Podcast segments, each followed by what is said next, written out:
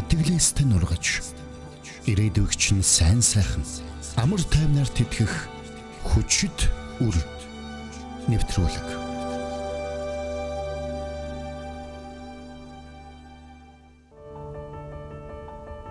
Би чи хөтөлбөрийн чиглүүлэгч багш Дэлгэр маа байна. Харин би Отгон сүрэн.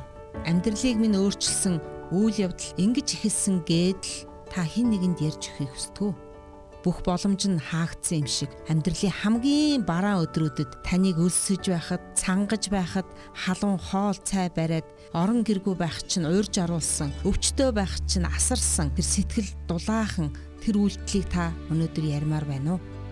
Та хажууд байгаа хин нэгэндээ тэдгээр үйлдэлийг хуваалцахад түүгээр дамжуулан тэдний амьдралд баяр хөөр, амар тайван, итгэл найдвар төрдгийг мэдхүү. Энэ бүхнийг Бурхан сонсогч танаар дамжуулан хийх болно. Та бидэнтэй хамт энэ аялалд гарч өөрт байгаа чадвах боломжоо нээн илрүүлээрэй. Тусламж хөгжлөө.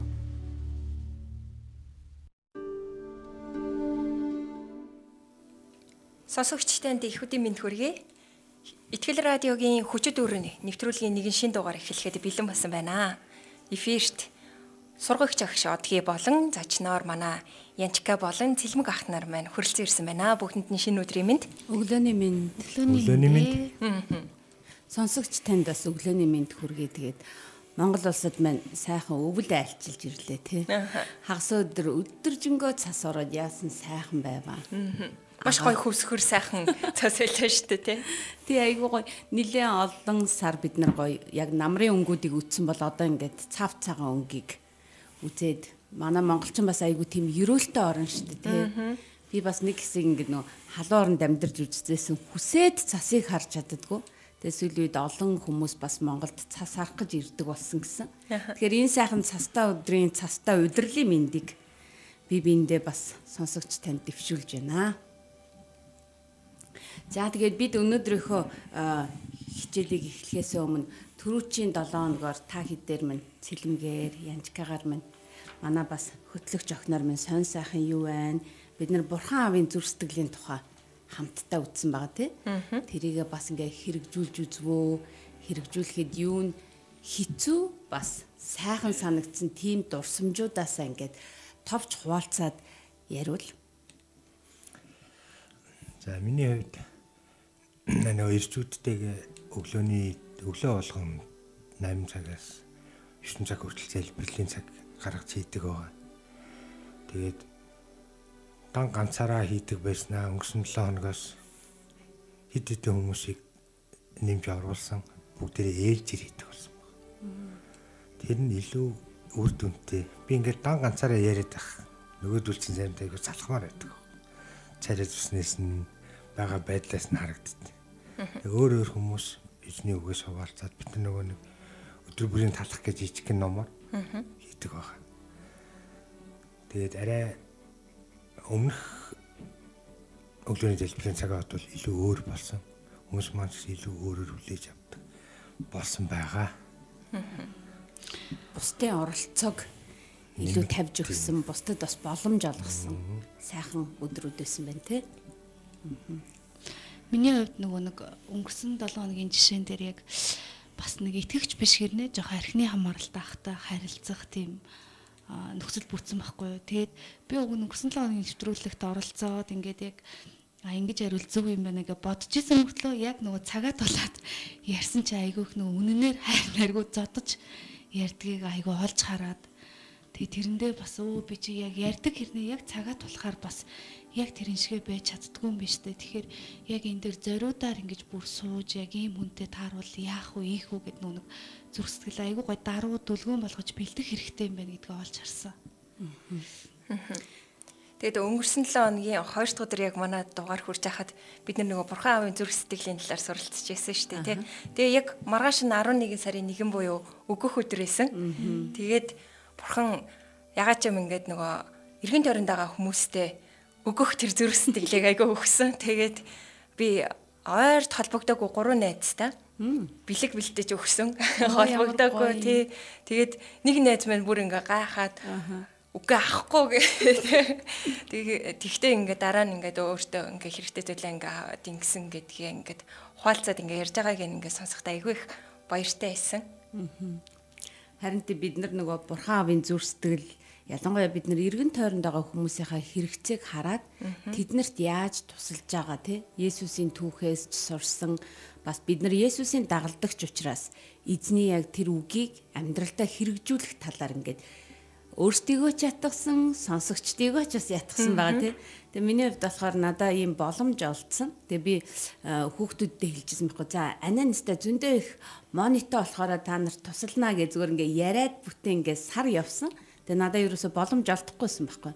Тэгээ үнэхээр бурхан бидний гуйлтыг сонсоод яг үйлчлэлд маань ингээд тодорхой хэмжээний мөнгө оруулж ирэнгүүт нь би нэм гаргийн цуглаан тараад хүүхдүүдэд тойруулж солгож байгаа. За данснуудаа бичээрээ нөгөө амлж исэн мөнгөө одоо ингээд яг та нарт ингээд шилжүүлэх боломж гарсан шүү гэ.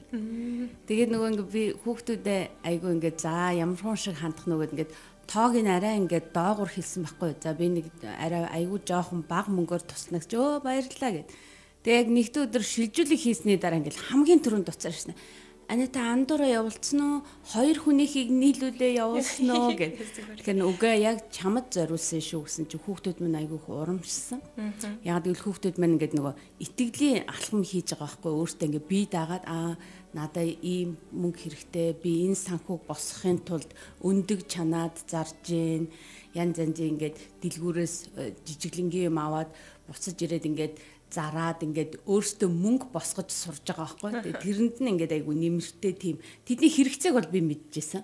А надад бол боломж олдохгүйсэн. Харин бурхан надад боломж олгон гут нь бид нар хэрэгцэн дээр нь очиод туслаад ингээд тэ та нар ингээд ямар ч байсан чуулгандаа дандаа тууштай явж гин бас библийн сургуультай тууштай явж байгаа учраас бурхан та нарыг ингээд шагнаж гинэ. Бурхан аавын хайрыг бас ингээд баг хэмжээгээр ч гэсэн харуулъя гэсэн нэг тийм үйл явдал өрнсөн өдрүүд байлаа.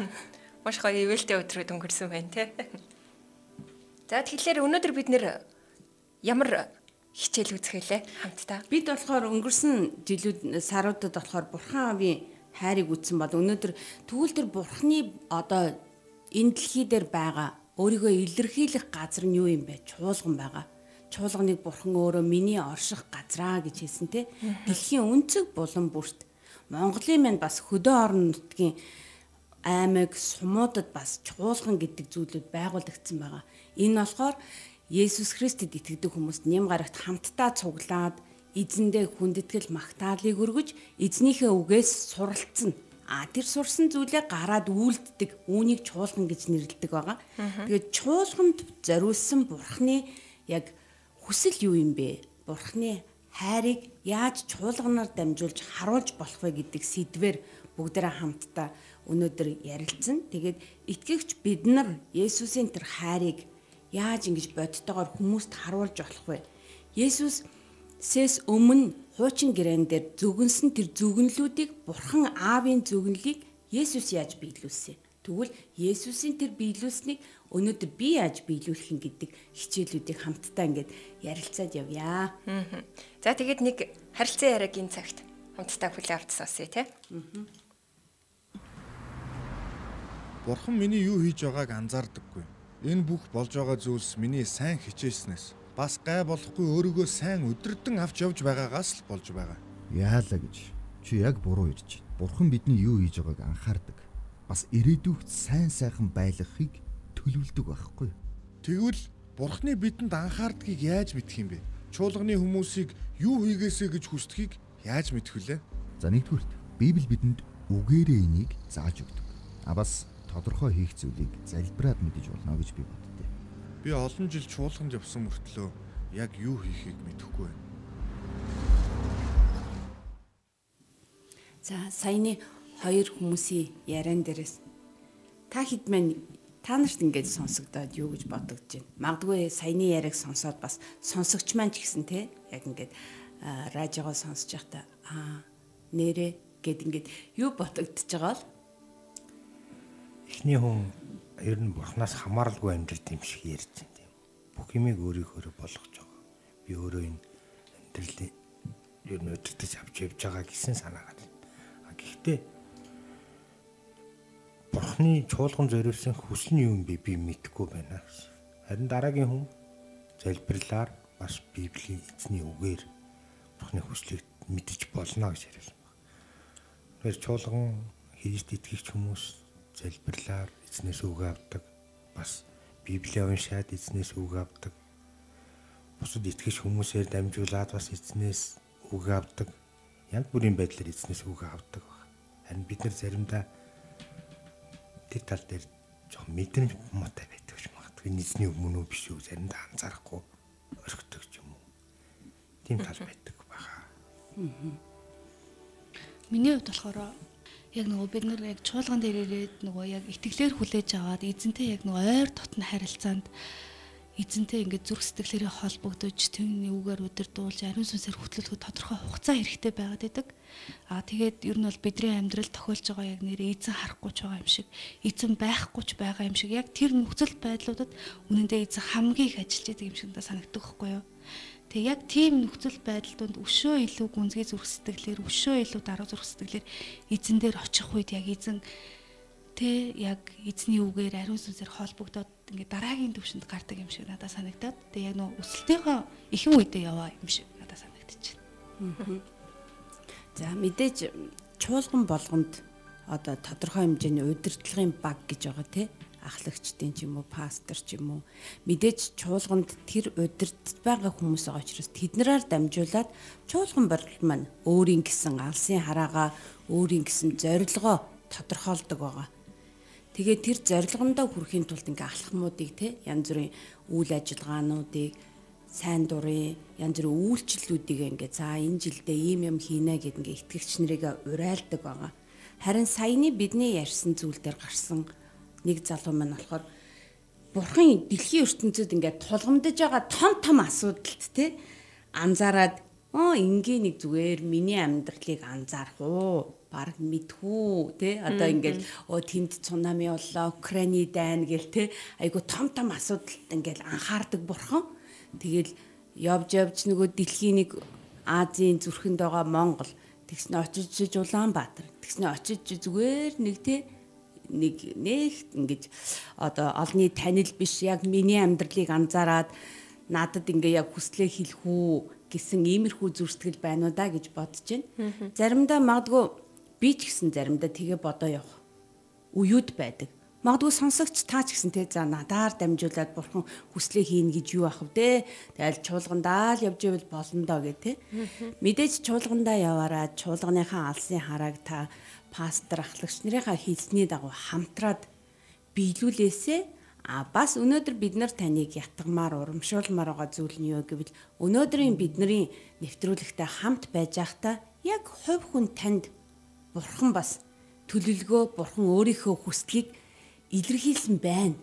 Библиэлд бичсэн байна. Тэгээ бүгдээрээ тэрнээс нь бас ингээ хамтдаа илүү ингэж тодруулж олж харъя гэж бодож байна. Эзэн бурхны сүнс миний дээр байна. Учир нь эзэн намайг зовгсдод сайн мэдээг дэлгэрүүлэхийн тулд томилсон юм. Тэр намайг шаналсан зүрхтэй хүмүүсийг идгэн олзлогдохсод эрх чөлөөг тунхаглаж хүлээстэй хүмүүсийг чөлөөлөхийн тулд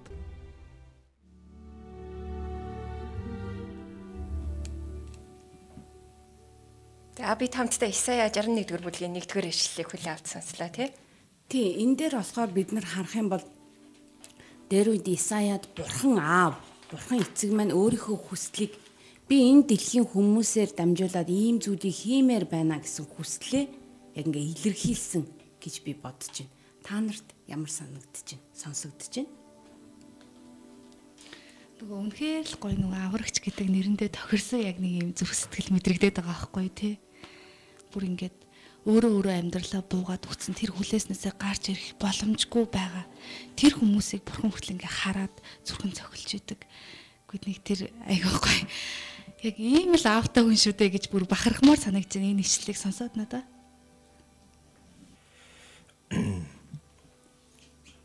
Архины ямаарлалтаа энэ ойр тойрныхондоо хайртай хүмүүстэй орхигдсон гээгч хүмүүсийн хувьд айгүй тийм эмзэг сэтгэлтэй байдаг юмрыг ярьж байсан тий.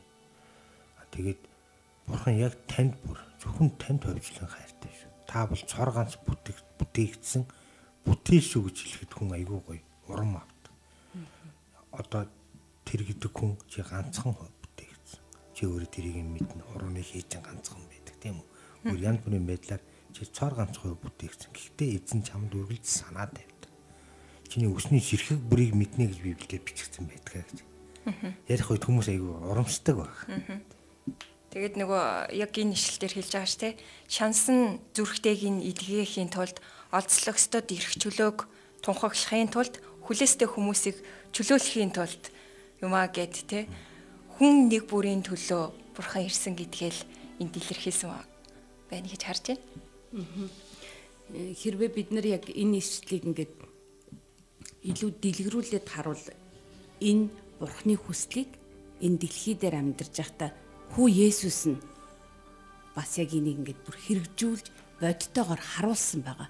Энэ бол ингээ гайхалтай аавын хүслийг аав бол хүстэй хэлсэн зөгнсөн тий. За би ийм зүйлийг хийнэ гэд. Энэ зөгнөлийн биедлийг Есүс бас ингээд дэлхий дээр ирээд үйлдээд харуулад миний бурхан аавын хүсэл бол энэ юм аа. Бурхан аавын хүсэл бол хүн нэг бүрт тий энд байгаа энэ олзлогдсон ядуу сохор дарамттай ийм хүмүүст хүрч ажиллахыг тэдний зүрхийг хайж байдаг юм а гэдгийг энэ ишлээс бас ингээ хараад айгу урамшиж байна л да. А тэгвэл шинэ гэрэн дээр бас хэлэгдсэн Лук номын 4-р бүлгээс бас сонсъё. Эзний сүнс над дээр байна. Учир нь сайн мэдээг ядууст дэлгэрүүл гэж Тэр намайг тосолсон юм. Тэр намайг илгээсэн нь олзлогдогсдод эрх чөлөөг тунхаглах. Сохруудад хараа оруулах. Дарамтанд байгсдыг чөлөөлөхийн сацуу. Мөн эзний тааламжид жилийг тунхаглахын тулд болгоо. За энэ саяны луух ном дээр гарч байгаа үйл явдал маань ингээд синагог буюу одоогийнхоор болохоор чуулган тий чуулганд ямар хүмүүс ерөнхий ингэж өдөр бүр ч юм уу байнга амьдардаг байсан бэ гэвэл дандаа хуулийн багш нар хуучин гэрээний бурхны хуйлуудыг бүр ингээд бүр багаасаа цээжилсэн тэрийг бүр ингээд толгоондоо тий баг ингээд ингэр дээрээ ингээд бүр зүүцэн явж идэг ийм хүмүүсийн дунд орж ирээд Есүс яг амралтын өдөр яг ням гарагт одоо эзний өдөр байсан Тэгээ нөгөө хүмүүс чинь ингээд хуйлмал библийг авчираад та эндээс ингээ уншиж өгөөч гэсэн чинь саяны тэр Исая номон дээр бурхан аавын өөрийнхөө хүслийг илэрхийлж байсан тэр зөгнөлийг нь дахиад энэ шин гэрэн дээр Есүс уншсан байна. Тэгэхээр яг э, тэр синагогт байгаа хүмүүсийн нүдээр тэднэрт саяны энэ Исаягийн үгнүүд яаж буусан болоо та нэг төсөөлөд яриач.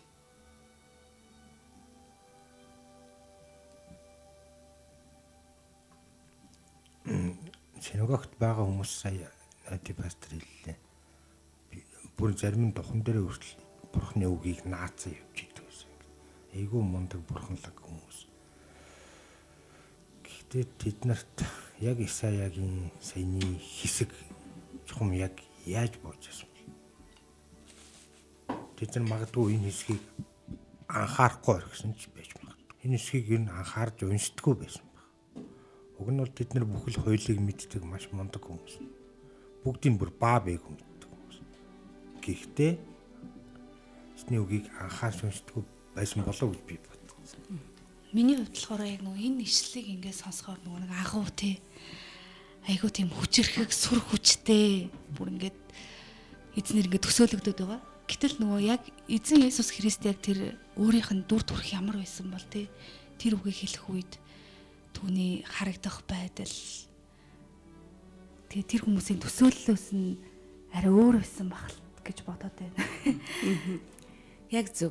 Би бас янжитагаа санаа нийлж нь юу гэвэл синагогт тэр одоо том том хуулийн багш те эрдэмтэд профессорууд ингэ сууж байгаа байхгүй. Тэгээ эднэр дээр орж ирээд Есүс үгийг хэлэхэд эднэр юу байгаа бол за эн чинь нэг хуучин гэрэн дээр байдаг те зөгнөл байна энэний төлөө би юу хийсэн бэ гэж магадгүй тэр хүн ботсон баг. Тэгээ надад энд бас нэг их сонирхолтой зүйл харагдаад байна л да. Над дээр бурхны сүнс байна гинэ. Бүр айгүй том одоо тодорхойлт тэгээ баталгаа хэлж байгаа байхгүй. Над дээр бурхны сүнс байна гэж Исая хэлсэн тэр үгийг дараа нь яг Есүс яг тэр үгийг аваад хэлэхдээ энэ хэлсэн үг биелэлээ олохыг одоо яг цаг нь болцсон байна. Тааламж жилд нь болцсон байна гэдэг ахаад нэг том баталгаатай цаг хугацааны том баталгаа хэлээд энэ яриа ингэж библийн үг ингээд биелэлээ олж байгааг хэлж байгаа ийм юм надад бас их онцгой харагдчихээн л да. Тэгээ тэр зовж исэн хүмүүс сайн мэдээ гэхээр юугаар зовж исэн бол доо ямар зовлонгууд бидэнд байдаг вүлээ дээ гэж бас ингэж бодож байна. Магадгүй хувьчилж яг саяны хэсгийг уншаагүй байж магадгүй. Над дээр гэдэг нь өөрийг нь хэлээгүй. Өөр бус хин нэгэн дээр байгаа байхаа гэд өөрөөсөө холдуулж ойлгож ирсэн байж магадгүй баг тийм. Тэгээ Исаягийн тунхагласан үг нь дараа нь яг биелэлээ олсон өдөр нь эзэн тэр газар дээр тунхаглаад яг өнөөдрөөс яг энэ цаг мөчөөс биелэлээ оллоо. Тэр зовж исэн хүмүүс, тэр шаналсан хүмүүс, тэр олзлогдсон хүмүүс те тэр хүлээстэй хүмүүсийг ингээд чөлөөлөх эзний тааламж жил буюу тэр чуулганы жилүүд ирсэн байна гэдэг айгүй том баталгааг энд хэлж байгаа юм шиг надад санагдаж байна. Хэрвээ бид нэр саяны ишлэл дээр ингээ харах юм бол хит хитэн хүмүүсийн одоо юм бүлэг хүмүүсийг ч гэдэг юм уу те эсвэл ингээ хүмүүсийг янз бүрийн байдлаар нь ингээд категорид оруулсан байна л да санах юм бол ядуу хүмүүс гэж байгаа байхгүй юу бид нар анх би бас энийг ингээд 30 жилийн өмнө сонсож байхдаа ядуу яг ядуу гэдэг үгийг ядуу утгаар нь ойлгож исэн харин би ингээд одоогийн төвшөнд ингээд одоогийн өнцгөөсөө энийг ингээ уншихаар хүн нэрээ зөвхөн санхүүгээр ядуу байхгүй шүү дээ. Тэ өнөөдөр ингээд миний хажууд ч гэсэн ядуу хүн байх боломжтой. Найзаар ядуу. Дутмаг. Тэ нөхөрлөл дотор дутмаг. Эсвэл хин нэгэн халуун өөрийг нь ингээ халамжлах юм халуун гэр бүлийн уур амьсгалаар дутмаг. Ядуу. Тэ эсвэл ингээд урмын үгээр ядуу дутаж байгаа тийм хүмүүсийг бас хилсэн байна гэдгийг ингээ ойлгож байгаа байхгүй. Тэгэхээр хідүүлээ ингээд энэ хүмүүсийн талаар ингээд та хэд маань хамтдаа ингээд ярилцвал ямар вэ? Энэ дээр болохоор ядууст гэж байгаа. Олцлогсод гэж байгаа. Сохор бас дарамтанд байгаа хүмүүс гэдэг ийм нэг дөрвөн төрлийн хүмүүс байгаа байхгүй. Тэгэхээр яг утгаараа биш одоо энэ дөрвөн төрлийн хүмүүсийг хүмүүс таны эргэн тойронд өнөөдөр байна уу? Сонсогч та бас эргцүүлэн бодож байгаа ядуу олцлогдсон сохор дарамт. Мэдээж миний саяны тайлбарсан шиг те ядуу нь бол яг мөнгөгүй гуйлагч хүмүүс гэсэн үг биш. Те олцлогсод өнөөдөр ингээд эрх чөлөөгөө мэдэж чадахгүй те ямар нэгэн байдалд хүлэгдсэн хүмүүс ээж болно сохрууд бид нар нүдэрээ өнөөдөр хараад байгаа боловч библиэлд бид нарыг те бас сүнслэг нүд маань сохорцсон байгаа гэдэг байдлуудыг гэдэг дарамт энэ төрөл бүр их байж болно. За тэгэхээр та хэдийн маань эргэн тойронд ийм дөрвөн төрлийн хүмүүс хэр илбэг байна вэ? Олзлогдсон хүмүүс. Нөгөө дайны үед ч юм уу эсрэг талын цэгүүдээ олзлж авдаг тий. Ер нь бол олзлох гэдэг маань тийм утгатай. Аа шууд утгаараа. Аа гэтэл өнөөдөр хүмүүс янз бүрийн мөрөдтэй тоглоомонд, архинд, хар тамхинд янз бүрийн донтолтууд олзлогдсон байдаг. Тэгээд тэр олдлоосаа гарч чаддгүй. Яаж гарахаа мэддэггүй. Үнэхээр тийм хэцүү байдалтай байгаа. Өнөөдөр ялангуяа нийгэм маань залуучууд маань хар тамхинд айгүй их орж байгаа. Тэр өөр айгүй тийм гонхтой мэдээ. Хэцүү мэдээ. Хар тамхинд олзлогдсон баг. Яг муу ярын сүнсний янз бүрийн зэвсгүүд байдаг хар тамхи арх юу байдгийг хүнийг мөрөстэй тоглоом тийм үү хүнийг боолчилж авдаг. Яг тэр зүйлүүд олцлогдсноо өнөөдөр мэдхгүй байгаа олон залуучууд явна. Харамсалтай. Гэхдээ тэр залуучууд чуулганд ирээд эзний үгийг унших юм бол яг энэ үгэн дээрээс өөрийгөө олж харна гэдэгт итгэсэн. Болж хараасан. Тэгэд энэ шархтсан зүрхтэй хүмүүс гээд миний харж байгаагаар бас эзэнд итгээг байгаа хүмүүсийн хувьд маш олон шарх зовлон гүүрээд амьдралынхаа бүхэл хагцлуудыг үрээд зовлон дотор явж байгаа харагддаг. Эзэн дотор бид нар юуг ойлгосон бэ гэхээр үн цэнийг ойлгосон. Тэгээ хэдийгээр бид нар энэ амьдралыг өөрчилж чадахгүй ч гэсэн яг өнөөдөр яг одоо гэдгийг өөрчилж болох юм байна. Энэ шаналсан зүрхийг бид нар эзэнд өгөхөд тэр нь тааламжтай байдгийм байна гэдгийг бид нар бас энэ хэсэгтэр харахтаа бас ингэ талархаж байна л да. Тэгвэл яг одоо бас нэг шаналсан зүрхтэй хүн гэртээ ганцаараа уйлаа сууж байгаа бол тий ганцаараа ханаа алдаад эсвэл хин нэг нэгэ одоо өвчтөе гэдгийг сонсоод маш хүнд нөхцөл явж байгаа. Тэр нэгэнтэй та хамт байх боломжтой юм байна. Энэ бол чуулганы төлөө эзний тавьсан хүсэл юм байна гэж би бас харж байна. Нөгөө өнгөрсөн өнгөрсөн 7 хоногт манай манай нөгөө гэр бүл яг энэ нөгөө нэг ядуу тэгээд одоо дарамтанд байгаа тий нөгөө тийм хүмүүс ханддаг тэр чуулган дээр ингээ очисон байхгүй юу Тэгээд ингээд нөгөө нэг нөхөр бит хоёрт айгүй их нөгөө бодогдсон зүйл маань юу байсан бэ гэхлээр бид нар нөгөө баяжхын төлөө ч юм уу те яг нөгөө өөрсдөө сайхан амьдрахын тулд айгүй завгүй амьдрдаг. Гэтэл нэг чуулганы гэр бүл ингээ гэр хороолтож амьдарч үзээгүй гэр бүл ингээд бүр одоо бүр хогийн цэг байдаг тэр газартаа хамгийн ойрхон байгаад тэ яг тэр хүмүүсийг хооллоод дутуу зүйлсийг ингээ хангаад итгэл найдвар урам зориггүй болсон тэр хүмүүст эзний үгийг дамжуулаад ингээд нөгөө дутуу байгаа хэрэгцээнүүдэд хангагдаад тэгээд тэрэн дээр ингээд нэг сонсоход ингээд тэр чуулганы хашаанд ингээд гурван гэр бүл байдаг. Нэг нь болохоор яг нөгөө нэг өргөтлгоос ээж гурав хүүхэдтэй. А нөгөөх нь болохоор өргөтлгоосон аав хоёр хүүхэдтэй. Бутуу хүн чинь ингээд гурав хүүхэдтэй. Хичээлдээ явахдаа ингээд хувцс хэрэгсэл зангаа бичгийн хэрэгсэл өнгө өнгийн харантайгаа ингээд дараагийн хүүхэд нь ирэхэд солиод ингээд явдаг гэж байгаа байхгүй юу. Тэгээд яг тэрийг ингээд харахаар бүр ингээд хүн болгон баян байхын төлөө хөгжихийн төлөө мундаг байхын төлөө ингээд завгүй амьдарч байхад тэр гэр бүл ингээд эзний зүрх сэтгэлээр бүр хогийн цэгтэй хамгийн ойрхон ингээд байрлчихсан үйлчж байгааг нь хараад бүр үнэхээр эзний зүрх сэтгэл биш бол нэрээ те. Тийшээ тийм залуу гэр бүл ингээд яаж явах вэ гэд айгүйх тийм сэтгэл хөдлөл авсан. Үнэхээр Монголд одоо эзний сайн мэдээ.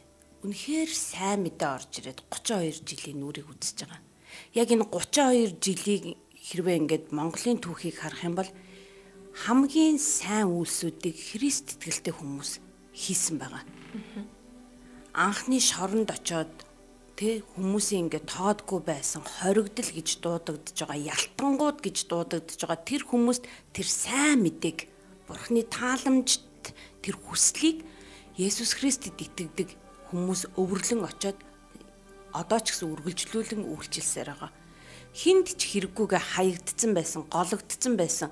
Бүр гэрээсээ ингээ хогийн цэг дээр хаягдцсан тий нарантуул дээр хаягдцсан байсан тэр өнчин өрөөсөн эцэг ихтэй ингээ зодуулаад хойд аав ээжийнхээ ингээ хүнд бэрх зүйлийг ингээ амсцсан байсан тэр гимгүү бяцхан хүүхдүүдийг аваад асраад халамжлаад бурхан аавын хайраар хайрлсан тэр үйлчлэлийг Христ итгэлтэй хүмүүс хийсэн байгаа. Үнэхээр тэр сохор хүмүүсийг те Христ итгэлтэй хүмүүс яг одоо бодит байдлаар Монголд байгаа харааны бэрхшээлтэй харж чадахгүй байгаа хүмүүст Библийг барьяал гэдэг үсгээр орчуулж бичсэн байгаа. Энэ бол Есүс Христэд итгэдэг эзний дагалдагч нарын хийсэн тэ Исая номон дээр тэр зөвгөнсөн зөвгөнлийг Есүс өөрийнхөө амьдралаар биелүүлсэн бол 30 жилийн турш Монголын Христ итгэлтэй сүм чуулган итгэгч нар энэ үйлчлэлийг ингээд тэгээ явж байгаа нь яасан өрөөлтэй вэ? Бид нар яг бурхны сайн мэдээг яг зөв утгаар нь ингээд хэрэгжүүлээ явж байна. Монголчуудаа монголын христ итгэлт ахан дүүсээ гэж үнэхээр бас урамшуулмаар саяны те янжагийн мань хэлсэн тэр гэр бүл ч гэсэн яг хогийн цэгийг те бүр ингээд зориудаар сонгоод очоод тэнд байгаа хүмүүс яг энэ Исая дээр зөвгөнсөн зөвлөлийг биелүүлээд явж байна. Яасан гайхалтай вэ. Аа Тийш үү. Бид нар яг эргэн тойрондоо хүн болгонд хамгийн сайныг хийсээр эзний тухай ярих гэж хичээсээр зүтгэсээр л байгаа. Тэгээ би сонсогч таныг урамшуулж байна. Үнэхээр танд баярлалаа. Та дулаан хувцаа бэлдээд хин нэгэн хүний төлөө очиж байгаа. Та халуун хоолоо бариад өвчтөө хүний төлөө явж байгаа. Тэгэхээр энэ олзлогдсон хүмүүс бидний дотор байгаа ч гэсэн Монгол улс маань нэг л өдөр чуулганаар эзний үгээр дүүргэгдэх юм байна гэж би бас сая урам авлаа. Тэгээ сая энэ нөгөө нэг ишлэл дээр нөгөө аа хардаггүй те сохруудад хараа оруулахын тулд гэсэн чинь надад ягаад ч юм шууд нөгөө Паул зөвөр шууд санаанд орж ирж илаа л да. Паул нөгөө итгэгчдийг хавчдаг байсан штэ. Тэгээд яг нөгөө нүдэн юм харахгүй болцсон байхад те яг итгэлийн хүн ирээд тэгээ яг бурхан өөрийгөө таниулаад нүднээс нөгөө хайр сунаад тэгээ яг ингээд жинхэнэ яг амьд бурхан байгааг ингээ олж харсантай яг л адилхан. Бид ч гэсэндээ өмнө нас яг ингээ сохор харанхуу явж исэн те. Харин яг эзнийг таньж мэдэх үед бидний тэр нөгөө хайр санаад ингээд аа жинхэнэ амьд оршигч бурхан байд юм байна штэ гэж хараад тэгээ бусдыг хайрлах тэр зүрх сэтгэл энэ ертөнцид яагаад ирсэн утга учраа ч гэсэндээ бид нэр бас ойлгож эхлэх тэр нүд нэгцэн гэж хардаг. Тэгэхээр эргэн тойронд бидний эргэн тойронд итгэдэггүй маш олон хүмүүс байгаа тий. Тэр хүмүүстэй бид нэр бас л яг өөрсдөө нүд нэгцэн шиг тэр харахгүй байгаа нүдийг нь нээлгэхийн төлөө бас ингээд хичээд зүтгэж явж байгаа. Бас энэний төлөө ингээд дуудагдсан маш чухал үүрэг даалгартай хүмүүс байна гэж харж байна. Дэлхий дээр хамгийн хүчтэй байгууллага чуулган тий? 2000 жилийн турш энэ ч одоо оршин оршин тогтносон байж штэ тий. Тэгээд одоо хичнээн ч ямар ч их хавчлага навчлага зовлон туулсан ч тэр Есүсийн тухай яриахаа зогсдоггүй Есүсийн үйлсийг хийхээ болдгоо тэр хайр нь ингээд үргэлж ундраад гараад идэг хүмүүс үнэхээр муухай зүйл хийжсэн ч чуулганы хүмүүс хайрласаар л байдаг. Энэ хүчрхэг гэр бүл дотор бид нар үйлчилж байгаа юм байна гэд бас талархаж байна. Тэгээ та бас таны нүдэнд харагдаа таны зүрхэд байгаа тэр хүн танаас бас хайр авах хүн юм байна да. Тэгвэл Саулын нүднээс унсан тэр зүйл нь хуучин үнээс хайрсан нь хуучин үнээс Тийм бах тий. Тэгэхээр бид нар бурхны чуулганд чуулганаар дамжуулаад хийхийг хүсдэг хүслийг ингээд сонсогч та бас бид нар ингээд илүү тодорхой харагдаж гин удаа гэж надаа ингээд айгу ингээ баяр хөөр цаанаас ингээ төрөд юу вэ? А нэрэ ядуу хүмүүст сайн мэдээг хүрэх. Тий нэрэ олцлогдож байгаа тэр хүмүүст эрхчлөөг эрхчлөө гэж юу юм бэ гэдгийг. Сохор байгаа тэр хүмүүст яг цорын ганц эзэн бол амьд бурхан юм а гэдгийг. Дарамтанд байгаа сэтгэл зүүн тэ янз бүрийн ингээд сүнслэг дарамтанд байгаа тэр хүмүүст амьдралын нухчаан донд дарамтанд байгаа тэр хүмүүст эрхчлөө тааламжтай байдлыг эзний сайн мэдээл хүргэж чадна. Энэ бол бурхан аавын хүсэл. Бурхан аав нь чуулганаар дамжуулаад энэ зүйлийг хийхийг хүсэж байгаа. Мэдээж магадгүй нэвтрүүлгийн ихэнд ярьжсэн шиг таны чуулганд өөрийн гэсэн тодорхой алсын хараа байгаа. Тийм учраас сонсогч та өнөөдөр бодохдоо чуулган дээр очиод пастора би шинэ алсын хараа авлаа гэж Исая 61-ийн нэгийг ярихаасаа илүүтэйгээр та тэгвэл өнөөдөр те өнөөдрийнхөө яг ингээд байгаа байр суурин дээр таны эргэн тойронд саяны ингэж дурдсан хүмүүс хаана байна вэ? Хэн байна вэ? Магадгүй бидний гэр бүлийн хин нэгэн байж болно шүү дээ. Дарамттай явж иж болно. Тэ? Тэгвэл өнөөдөр та зоригтойгоор амаа нэгээд аха би таны төлөө нэг Есүсээс гуугаад өхөө гэд тэ зориг гаргаад яг энэ зүйлийг хийгээсэ тэ. Магадгүй ингээд өнөөдөр одоо ялангуяа манай залуу үеийнхэн ч юм уу те хүүхэд залуучууд маань ингээд утасны хамааралтай маш их болсон байна. Тэгвэл бид нар энэ хүүхдүүдэд очиод те ингээ бурханы сайн мэдээг яаж ингэж те библ рүү яаж ингэж зөв зам руу явах вэ гэдгийг заагаад чиглүүлээд өгөх юм бол бидний Монголын ирээдүй болсон хүүхдүүд маань бас бурхан аавын энэ зүр сэтгэлийг тэгээ явах юм болов гэж би бодож байна. Тэгээ би саяхан 101 болсон зүйлийг хараад ингээд айгүй баярлж исэн. Солонгосоос нэг юм сайн мэдээ тарах баг ирж байна. Тэгээд ингээд нэг өдөр би тэр хүмүүстэй хамт ингээд хамтдаа хоол идэж нөхөрлөх юм боломж гарсан. Тэгээ тэр багийн ингээ онцлог нь юу байсан бэ гэвэл 30-аад бүрэлдэхүүнтэй байхад баг 10-аад нь том хүмүүс насанд хүрсэн. Үлдсэн 20 хүүхдүүд байгаа байхгүй. Тэгээд өөртөө юу гэж хэлсэн бэ? Бид нар одоо дараа үеэ ингэж бэлдэж байна. Яаж сайн мэдээ тараах юм? Яаж монгол хүнийг хайрлах юм? монголчуудад ирээд яаж аав ээж нь чуулганых нь өвөө эмээ нь пастор ахлагч нар нь яаж сайн мэдээд тарааж байгааг тэр хүүхдүүд хараад явж гинэ гэд Тэгээ би бүр тэрийг харчаад оо тийм ээ бурхан минь одоо бид нар ингээд те би бол ингээ 30 жил энэ замаар явлаа. Миний хувьд.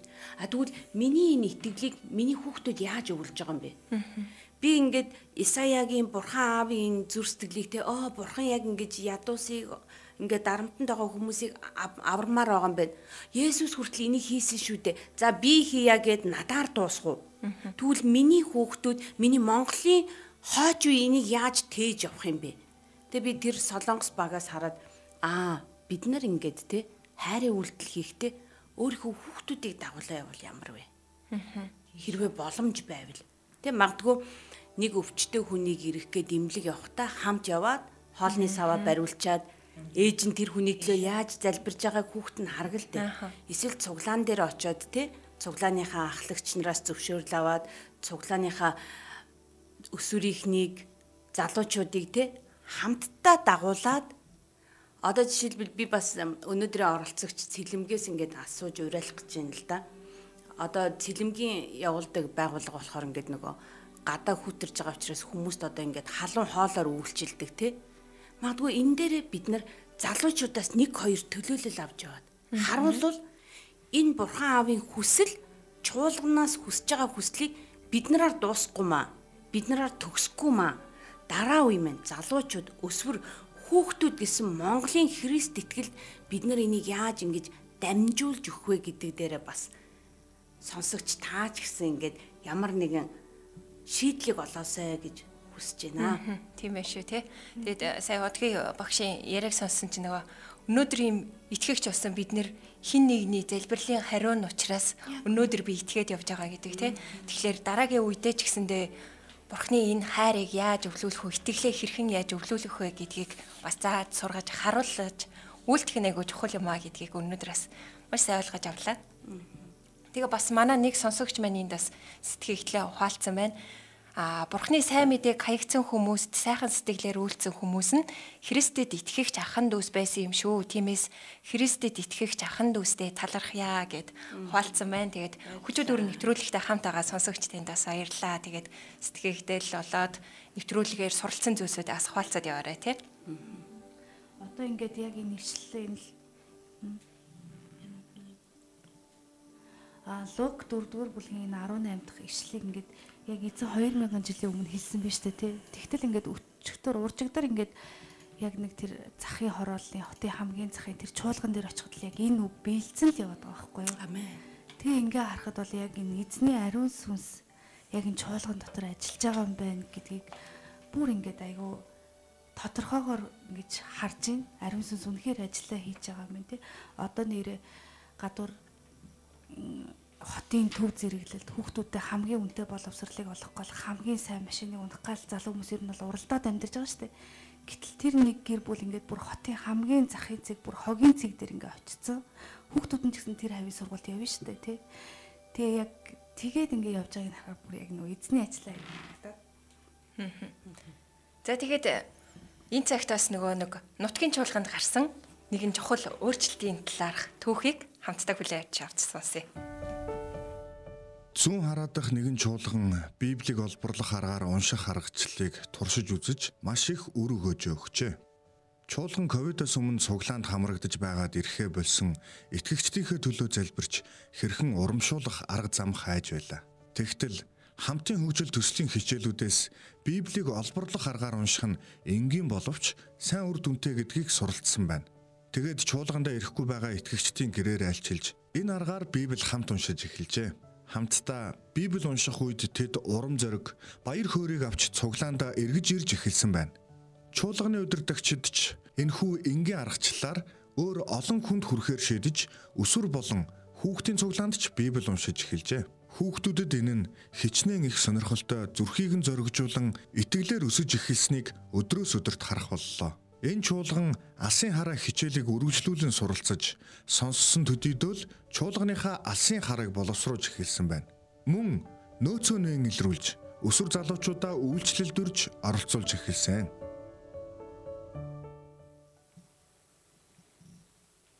За ийм гайхалтай жишээг сонслоо тэгээд үнэхээр яг бурхан аавын хайрыг ингэж чуулганаар дамжуулж яаж харуулах гээд байгаа юм бэ гэдгийг одоо чэ хөтөлбөр маань ингээд маш олон хичээлүүдээр заагаад бүр ингээд наривчлаа сайхан нэг ширхэг бүрээр ингээд заагаад өгдөг байгаа. Аль хүмүүст ямар сэдвээр ярмаар байна, ямар хичээл заамаар байна гэдэг ингээд бүр бэлтгэгдсэн байгаа. Энийний нэг нь болохоор одоо Библийг те яаж унших вэ гэдг нь нэг юм сонирхолтой арга байгаа. Энэ Библийг олборлох гэдэг Тэгээ би энэ зүүн хараа чуулганд айгүй ингээд баярлж яана л да. Яа гэвэл саяхан миний тэр нөгөө ингээд амар сэтгэл догдлоо яриад байсан те тэр олборлтын аргыг эхлээд том хүмүүс хэрглэж үзээд аа энэ ямар гоё аргачлал вэ те? Яг ингээ хүний зүрхэнд хүрж шүү? Буцаад цуглаандаа явъя гэж байгаагийн сонсон гутаа залуучууд дээр хүүхдийн цуглаан дээр хэрглэж гэн гэхээр одоо зүүн хараа чуулганы те хүүхдүүд маань энэ гайхалтай аргыг сурцсан байна чи хөтөлбөрөөр дамжуулаад гэдг нь айгүй сайхан санагдаж байна. Та хэд болохоор одоо яг энэ чуулганы үйлчлэлийг ингээд сонсохоор танд ямар сэтгэл төрж байна вэ? Тэгтээ хүмүүс алт гараар гар олборлох эсвэл том том уурхаанууд нүүрс юу гэдгийг газар дор байгаа баялагийг олборлдог тий. Аа эхлээ судалгаа хийгээд тэгээд дараа нь олборлдог баг. Гэхдээ хин нэг хүн ингээд газар ухаад үнт эрдэнэс оллоо гэж бод. Тэгвэл дахиад өөр газруудаар хайгаад дахиад илүү их олборлохыг хүсдэг баг. Яг л түүнтэй адилхан нөгөө Библийг олборлох аргаар унших маань хүмүүст илүү их өмнө бодоогүй хараагүй байсан тэр шин санаануудыг, шин сэтлүүдийг, шин бас урам зориг хүсэл тэмүүллүүдийг Библийг олборлох арга маань бас тийм өрөөгөөчтэй арга байгаа шүү. Тэгээд нөгөө хамгийн эхний нэвтрүүлэг дээр бид нэр Библийг олборлох аргаар суралцаж байсан шүү дээ. Тэгээд яг энэ чуулган Библийг олборлох аргаар суралцах нь яагаад чухал байсан бэ гэхээр надад бас ингээд төрсөн мэдрэмж нь аа библ чинь бидний амьдралаас хол зүйл биш юм байна штэ тий аа яг энэ нь өнөөдөр миний амьдралд бас ингэж тусах юм байна штэ гэдгийг яг ойлгож авсан. Тэгэхээр зүүн хараадах энэ чуулган бас яг энийг ойлгосон баг тэгээд чуулгандаа ирэхгүй байсан итгэгчид ч гэсэн тий оо библ гэдэг чинь зүгээр нэг юм хоол тустай тий зүгээр бурхны үг гээл нэг юм миний амьдралаас тустай зүйл биш харин миний амьдралыг залж чиглүүлэх чухал зүйл юм байна штэ гэдгийг ойлгож авсан баг. Тэгээд сурсан зүйлээ өөр хин нэгэндээ ингээ хуалцаад зааж өгөөд тэгээ хамтдаа ингээ өсч хөгжөөд бүр ингээ хүчрхэгдсэн байгааг нь олж харж байна. Чуулганы удирдагчид бас маш мундаг итгэлийн хүмүүс байна. Тэр ковидос болоод алдагдсан байсан итгэгч нарынхаа гэр бүл болгоноор яваад библийг олборлох аргаар судлаад урамшуулад буцаад цуглаандаа авчиж ийн гэдэг нь хэр мундаг тий. Эцний хүмүүс байна гэдэг. Бурхан руу иргэсэн их гоё түүх байна тий. Тэгээ бид нар бас янз янзын амьдралын нугчаан дотор бас ингээл Библийг уншихад хэцүү өдрүүд бас тохиолддог шүү дээ. Тэгээ харин Библийг уншсан өдрөөс эхлээл энэ Бурханы үг биднийг зоригж уулж амьдралд маань байсан асуудлууд маань арай өөрөөр арай сайнаар шийдэгдэж учир нь олдож ямар их хайртай Бурхан биднэрт байгаа вэ гэдгийг ойлгож авсан бахаа. Тэгээд энэ цуглааныхан бүр өөрсдийнхөө ирээдүйн төлөө залуучуудаа хүртэл үйлчлэлт нөөц гэж хараад дуудсан гэхээр биднэрт ямар их боломж байгаа юм бэ л гэж харагдаж байна. Тэгээд чуулган болгон маш их боломжуудаар хангагдсан байгаа юм байна. Одоо эзний өглөө хүн болгон эргэцгээе. Энэ Библийг олборлох аргыг дахин та сонсоод магадгүй манай хүчит төр дээр байгаа өстэй тий. Бид нэр өмнө сонс хийсэн юм чинь. Тэгээд бас та хэд бас сурмаар байгаа бол хийгээд үзээсэй гэж бодогдлоо. Аа бид нар ч гэсэн бас ингээд сонсогч тантай хамт нийлээд өнөөдөр Библиэр олборлох аргыг ашиглаад Исая 61-р бүлэг дээр байгаа те. Тэр нэгдүгээр ишлэл дээр байгаа зүйлсийг ингээд тунгаан бодоод ярилцаад яаж бид нар ядуу байгаа те олцлогдсон дарамтанд байгаа хүмүүст хүрч бурхан аавын хүслийг Есүсийн тэр үйлдэлсэн үйлдэлүүд байгаа штэ тэ ингээд энэ дэлхий дээр байгаа хамгийн мундаг дээд зэрэглийн тухайн үедээ байсан тэр синагогийн профессор докторудтай Есүс ажилласан уу ажилласан. Гэвч үйлчлэлийнхээ яг өнгөрс э, хамгийн сүүлчийн 3 жилиг бүр яг бидний одоо энэ тодорхойлж байгаа ядуу олзлогдсон сүнсэн сохор дарамтанд байсан тэр хүмүүст яг ингээд Есүс өдөр болгон хүрч ажиллаж исэн энэ гайхалтай түүхийг олборлоод бүр олоод тэгээ бас сонсогчдыгоо ингээл хажуудаа урайлал суугаад байна те. Эрдэнсийн чулууны хайгуул хийж ин да тий бид нар. Нэг том гулуу залт олчвол ахаал цаашаа ухдаг штэ хүмүүс. Тэрэн шиг л эзний үг ямар амттай хүчрхэг үлээ. Ямар хүчтэй бидний амьдралын харааг өөрчилдөг үлээ.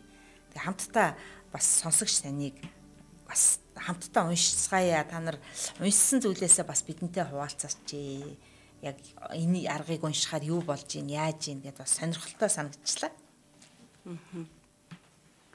би нөгөө нэвтрүүлэгтээ ороод яваадсэн чи яг нөгөө өнгөрсөн 7 хоногоос ихлээр яг нөгөө олборлож уншдаг нэг юм уншаад байгаагаа анзаарсан байхгүй юу. Өмнө нь болохоор ерөнхийд ингээ гүйлгээд бүхлээр наа нэг юм болсон юм байна гэд яваад исэн байгаа байхгүй юу. Тэгээ яг нөгөө өнгөрсөн 7 хоног библиэ бариад сурсан чи яг нэг хэн параграфыг ингээ баг цаг ингээ эргүүлж тариулаа бодцсон. Гэхдээ нэг ийм ишлэл нэг ийм үйл явдалчгүй ямар их юм ингээд багтаацсан юм бэ гэдэл айгуу тийм гоё шимтэн сонирхолтой бүр ингэ таньж мэдмээр санагдсан. Тэгэхээр их үр дүнгээ өгсөн биш үү те? Аль хүмүүс. Жишээлбэл одоо өнөөдрийг ингээл ишлэгийг яг уншингууд нөгөө эзэн бол ингээд нөгөө нэг тэр бүх хэрэгцээнд нь хурж ингээл ажиллах шүү дээ тий бас сайн мэдээг хажуугаад тэнгууд нөгөө талын бас хүч бүр ингээ олцлоод нүдийг нь одоо тий сүнслэг нүдийг нь хаагаад дарамтанд оруулаад тэгэж бас ажилтдаг байгаад байгаа байхгүй юу сайн мэдээ сонсоогүй хүмүүс зүгээр сайн мэдээ сонсоогүй аврагдаагүй биш бүр олцлогдоо дарамтанд ороод сүнслэг хараанд хаагдаад ядураад бас тийм зүйлд өвтдөг юм биш үү гэж бас харж байна. Өнөөдөр яг бидний өмнө байгаа библийн янз бүрийн орчуулгууд байгаа. Гэхдээ сүүлийн үеийн орчуулгууд ашиглахад бүр илүү их амар болсон тийм. Хуучин гэрээн дээрх эсвэл шинэ гэрээн дээрх холбоотой ишлүүдийн доор тэмдэглэдэг доор нь үгсийн хөл тайлбар хөлзүүлт хийцэн байдаг. Олборлоод уншиг гэвэл бэлэн баг ингэ байж. Өсөө ингээд ухаад байл бүр илүү янз бүрийн санаанууд гарч ирдэг байна. За тэгээд өнөөдөр бид нэр чуулганд танцсан бурхан аавын зүрх сэтгэлийн талаар аа сонсож таньж мэдэж авлаа тий. Тэгээд сургууч багш маань биднэрт бас нөгөө хэрэгжүүлэх алхмуудыг бас нэвтрүүлгийн төгсгөлд хэлж өгдөг байгаа тий.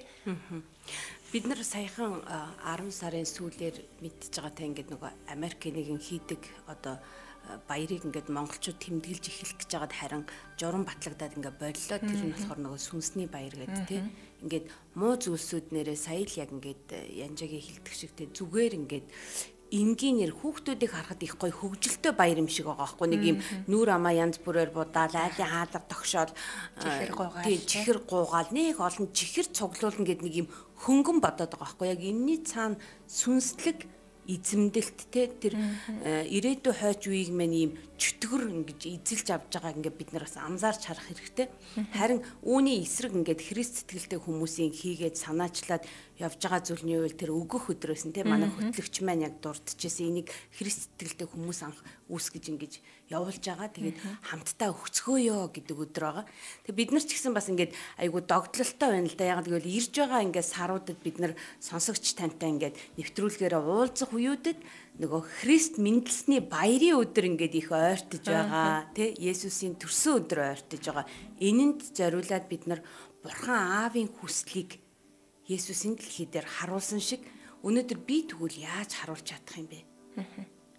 эзэн намайг анзаарахгүй байгаа юм шиг санагдал. За би ч дээ юу ч чадахгүй дээ гэж та бити бодороо. Та бурхан аавын зүр сэтгэлийг бодоод би нэр өнөөдөр юу хийж чадах вэ?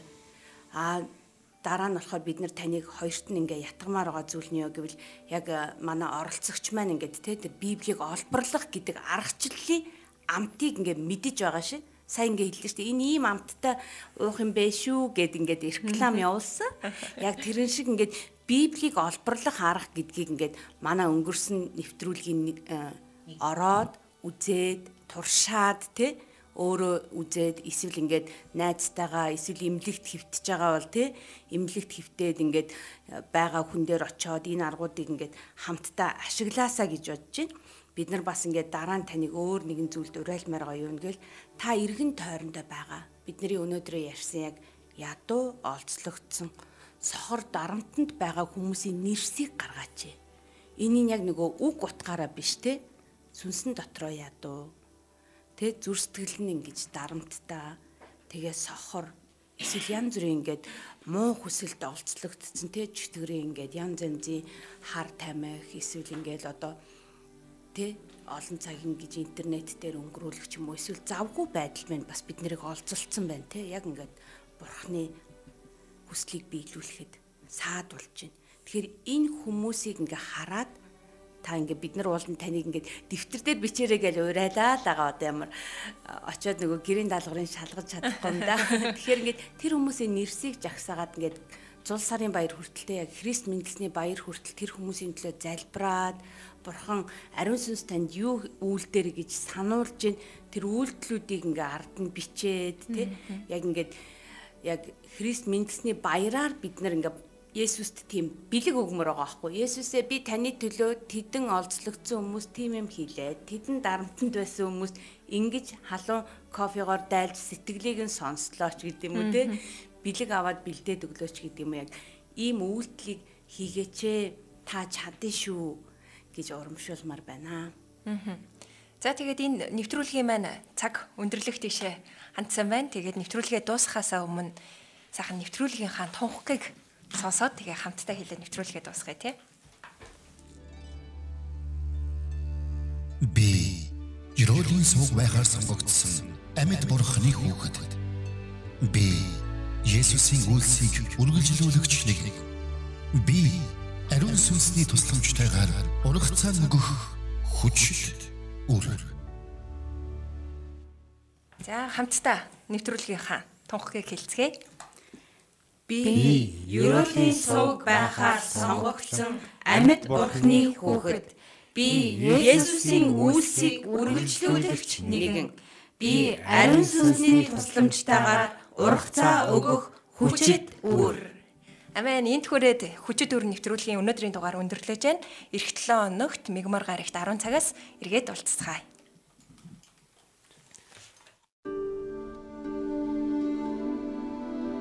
Амьдралын тань хөрснөөс аз жаргал амар тайвныг ургуулах шидтэй хүчит үр нэвтрүүлгийг өсвөрийн дуудлага төрийн бас байгууллагатай хамтран бэлтгэлээ.